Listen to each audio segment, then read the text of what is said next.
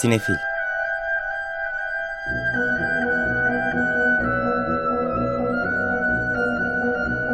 Hazırlayan ve sunanlar Melis Behlil ve Yeşim Burul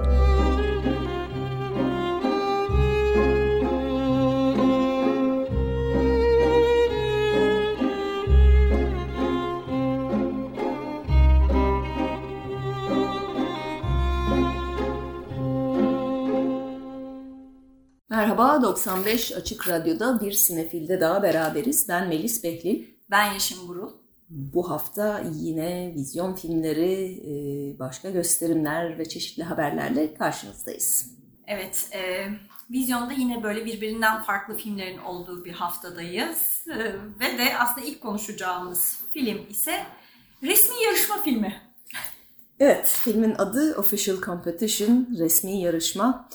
E, çift anlamlı hem böyle bir festivallerde e, o resmi yarışma bölümü hep girilmeye çalışılan bölümdür. Ama bir yandan filmin içindeki karakterler arasında da bitmek bilmeyen bir yarışma var.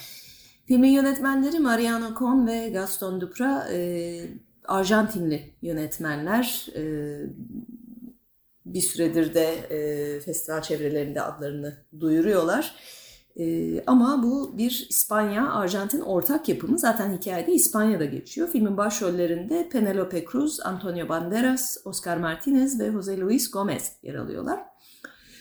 Ee, Jose Luis Gomez'in canlandırdığı çok zengin bir e, ilaç şirketi sahibi e, adamın 80. doğum günüyle başlıyor hikaye. Ve diyor ki geldim 80 yaşıma çok zengin oldum ama insanlar beni nasıl hatırlayacaklar? Fark ediyor ki çok da iyi hatırlamayacaklar. Ee, arkasında büyük bir şey bırakmaya karar veriyor. Bu büyük bir şeyin de film olması gerektiğine karar veriyor bir anda. Ama tabii yani hiçbir fikri yok. Ama çok parası var. Parayı atıyor ortaya. En iyi yönetmeni buluyor. Diyorlar ki bu kadın çok iddialıdır, çok önemlidir. Her yerden ödül alır. Ve Lola Cuevas geliyor. Lola Cuevas'ı canlandıran Penelope Cruz. Ee, Cuevas hakikaten büyük, yaratıcı bir güç ve çok farklı metotlarla çalışıyor. Ee, çekici hikaye de bir e, romandan uyarlama. Nobel almış o yazar yeni. O yüzden çok pahalıymış hakları. O yüzden onu almış yapımcı. Yani anladığı sinemadan bu kadar. Hatta hikaye nedir anlatsana bana diyor yönetmen. Yani o kadar şuursuz vaziyette girişiyor işe. Ee, burada da biraz aslında içeriden bir espri var. The Distinguished Citizen diye e, bu ikilinin Con ve Dupra'nın yönettiği bir önceki filmleri ki onda da Oscar Martinez başroldeydi. Ee, oradaki baş karakter yazarın yazdığı roman aslında uyarlanıyor burada da. İki kardeşin hikayesi bu. O kardeşleri de olabilecek en iddialı iki oyuncuyu oynatmaya karar veriyorlar. Biri bir Hollywood starı, tabii ki Antonio Banderas onu canlandırıyor. Biri de radikal bir tiyatrocu, e, hayatını eğitime adamış.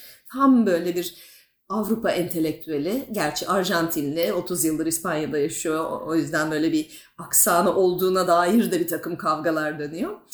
E, o da Oscar Martinez'in karakteri. E, ve Lola Cuevas bu iki farklı oyuncudan... E, verebilecekleri en iyi performansı almaya çalışıyor. Tabii ki sürekli de aralarında bir rekabet. Biraz uzuyor ama oyunculuğa merak duyan, oyunculuk gösterileri izlemeyi seven çünkü hani hem çok iyi oyuncular bunların hepsi zaten hem canlandırdıkları karakterler de çok iyi olduğu iddia edilen oyuncular. Ee, o yüzden bayağı böyle bir keyifli oyun alanı tanınmış e, hepsine e, hissini alıyor insan.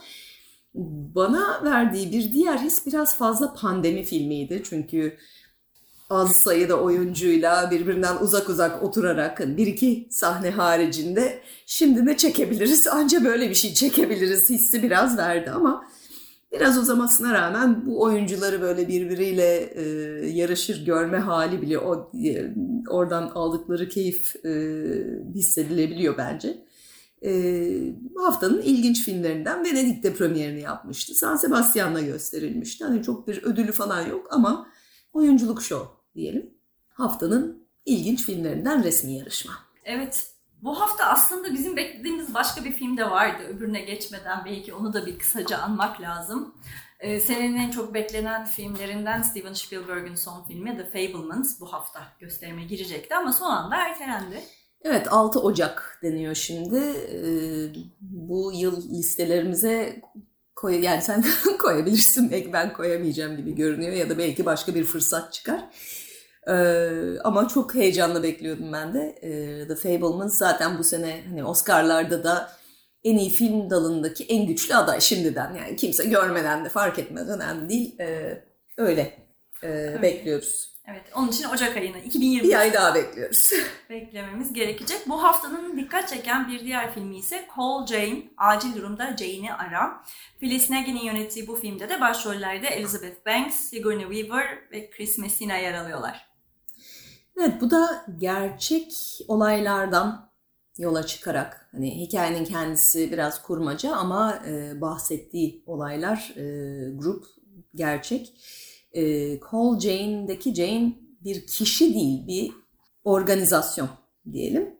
1960'larda ee, Amerika'da kürtaj yasal değilken kadınların e, kendi aralarında organize olup e, kürtaja ihtiyaç duyan kadınlara bunu sağlamalarının öyküsü.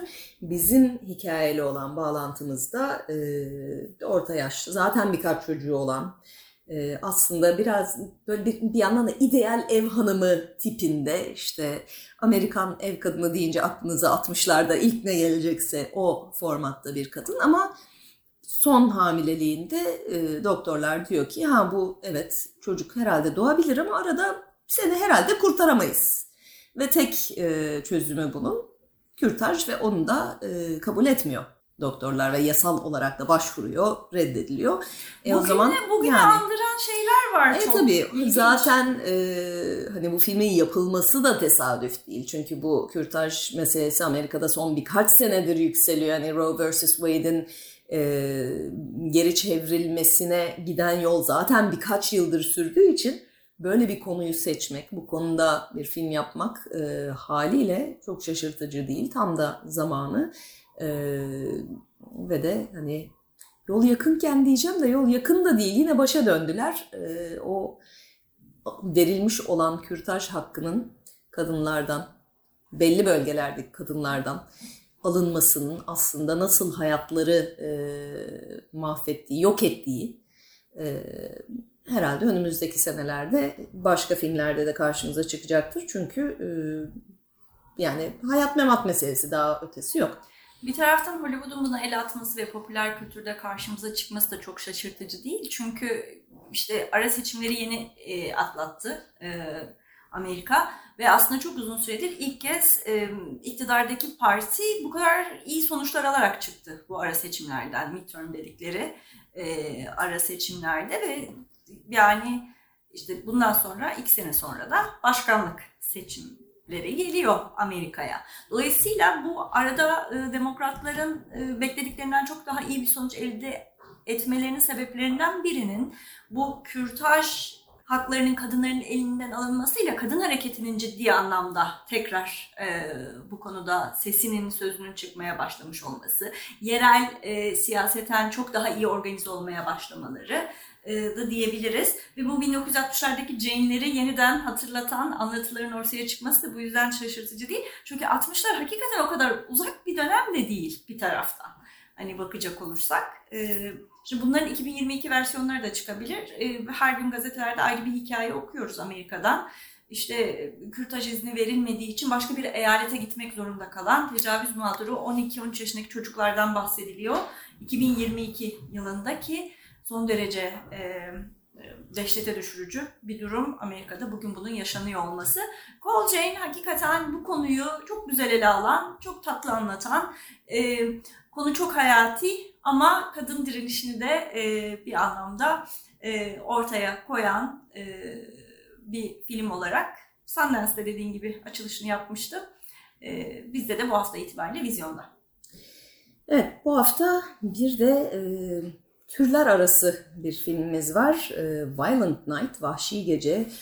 Korku, gerilim, komedi, aksiyon hepsini bir araya ve Noel filmi.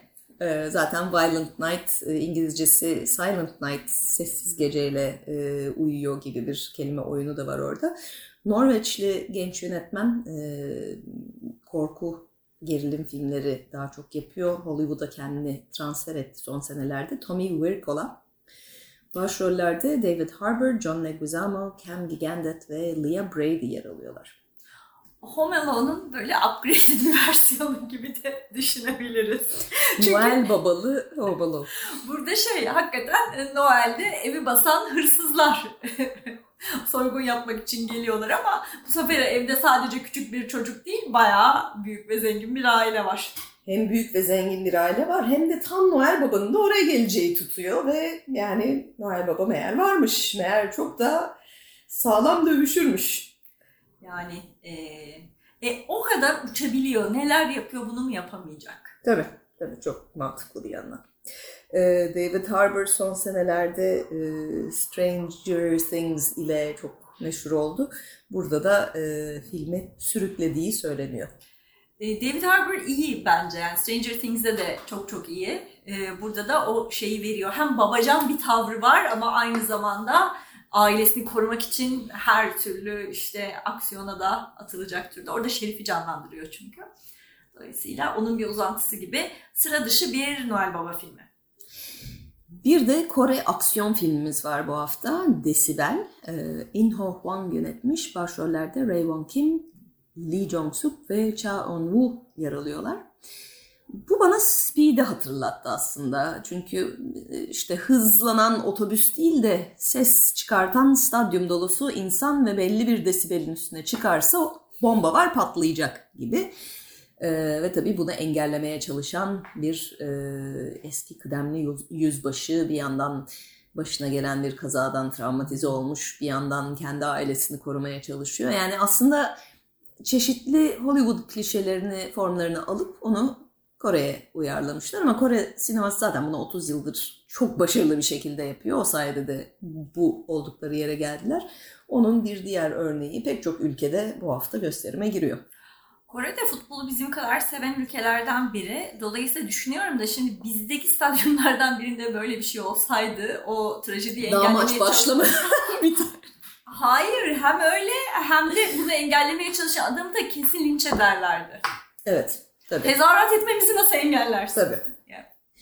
Ee, ama oraya bile gelemezdik bence bombayı yerleştirirken falan bitebilirdi. İnsanların Türkiye'de volümü bir hayli yüksek. Hele Kore'ye göre bayağı daha yüksek sanırım.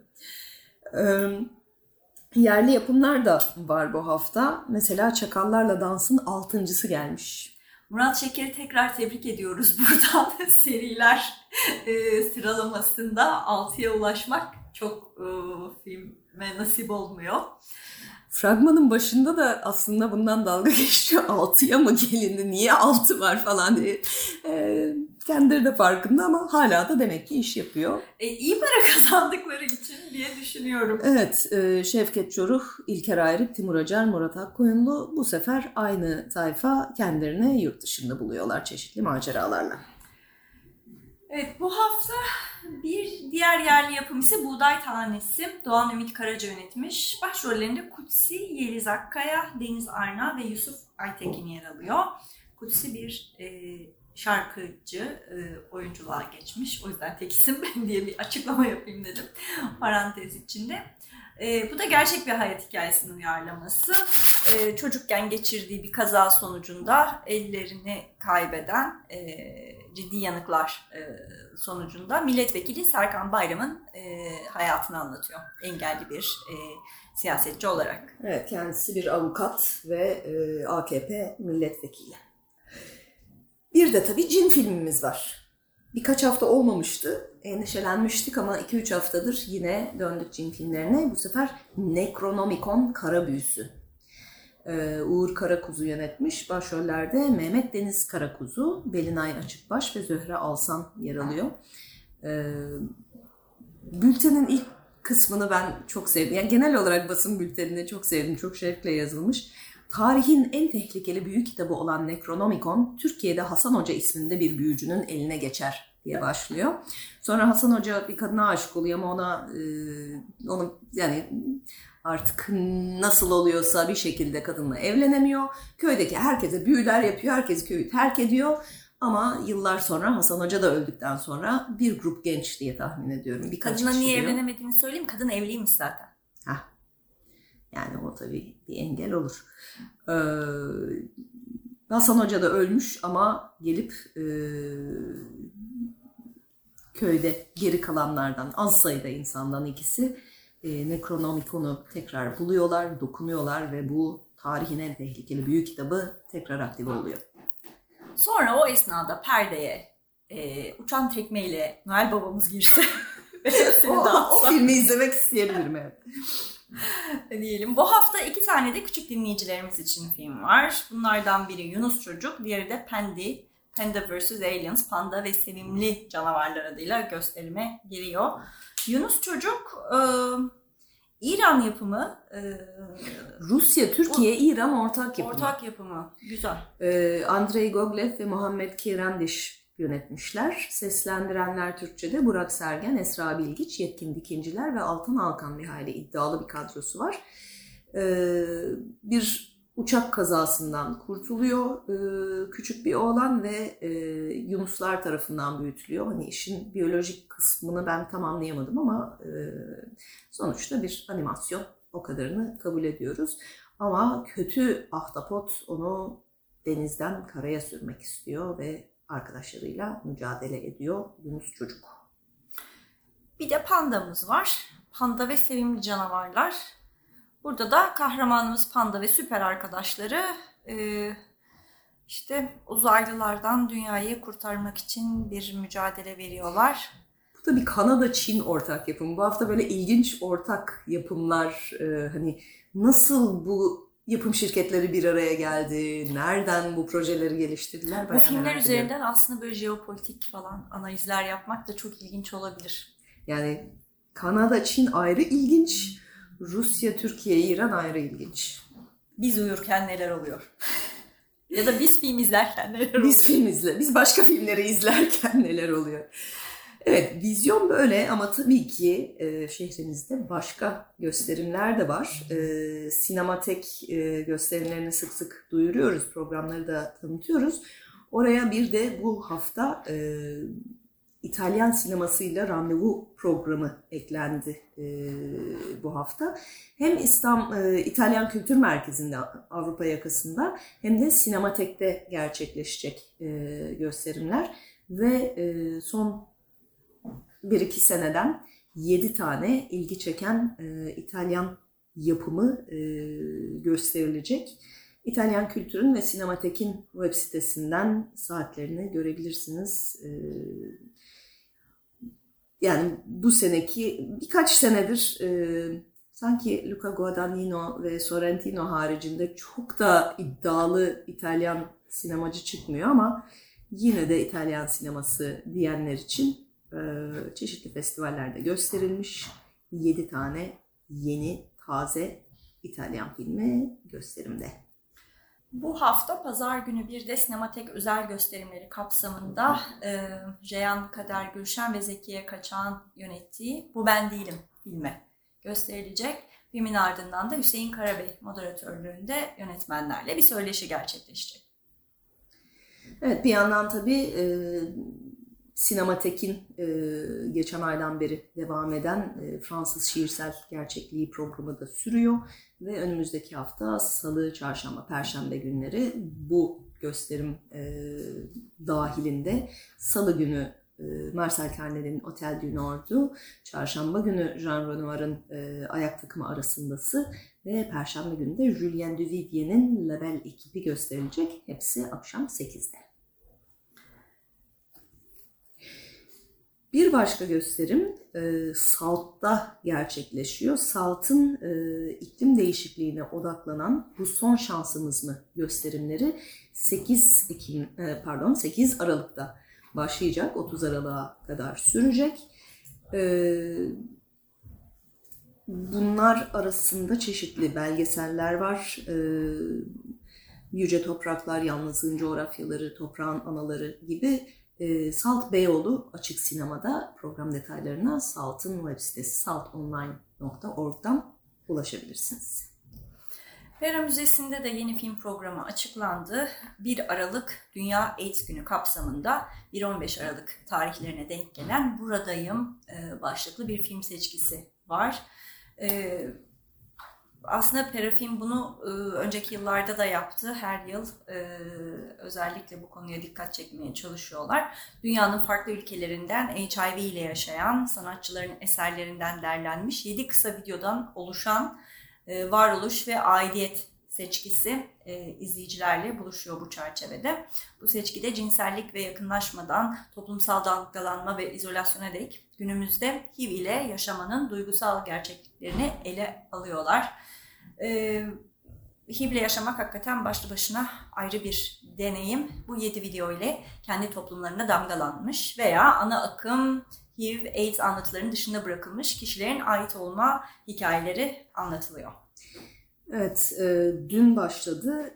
3 e, gösterim daha olacak. Bu akşam 8'de, haftaya Cuma 8'de ve 15 Aralık e, Perşembe akşamı 7'de bu 7 videoyu e, Pera'da izleyebilirsiniz. Ücretsiz, rezervasyon alınmıyor ama oldukça büyük bir salon.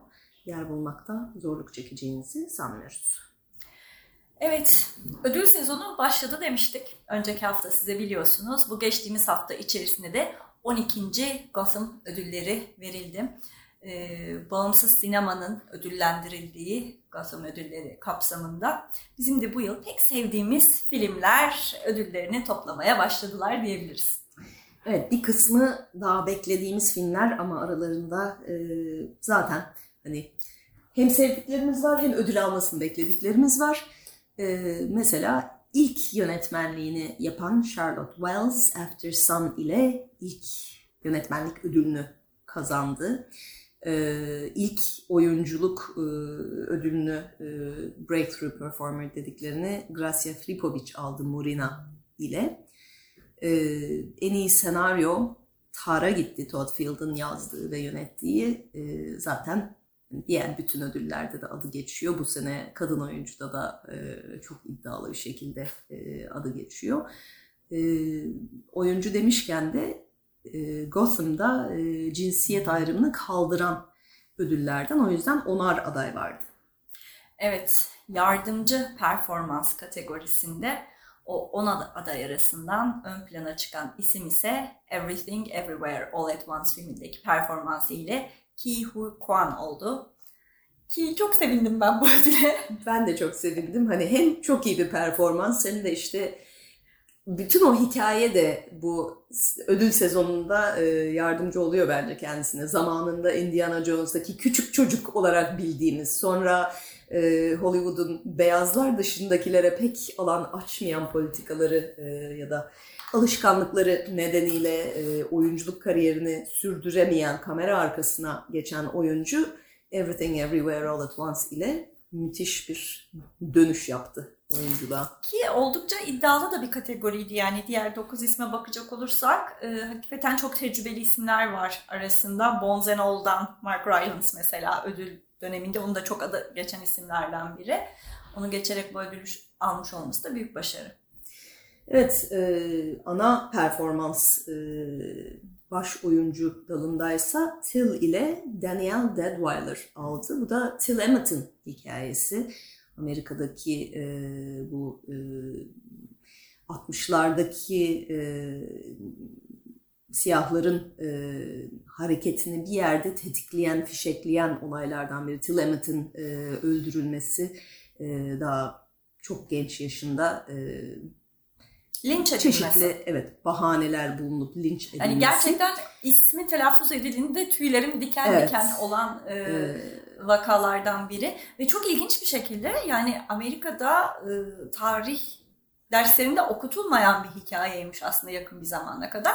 Son dönemde e, popüler kültürde bu kadar ön plana çıkartılma sebeplerine işte bu Tulsa'daki katliam, Till Emmett'in hikayesi vesaire aslında Amerika'nın kendi yakın dönem tarihini yeni baştan öğrenmesi. Onun üzerinden de devam eden bir çatışma var aslında şu an Amerika'da. E, Cumhuriyetçi Parti işte yakın dönem tarihimizi o kadar da okumayalım. Hatta geçenlerde valilerden biri bir kanun geçirmeye çalıştı. Öğrencilere kendilerini kötü hissettirecek konular derste işlenmesin.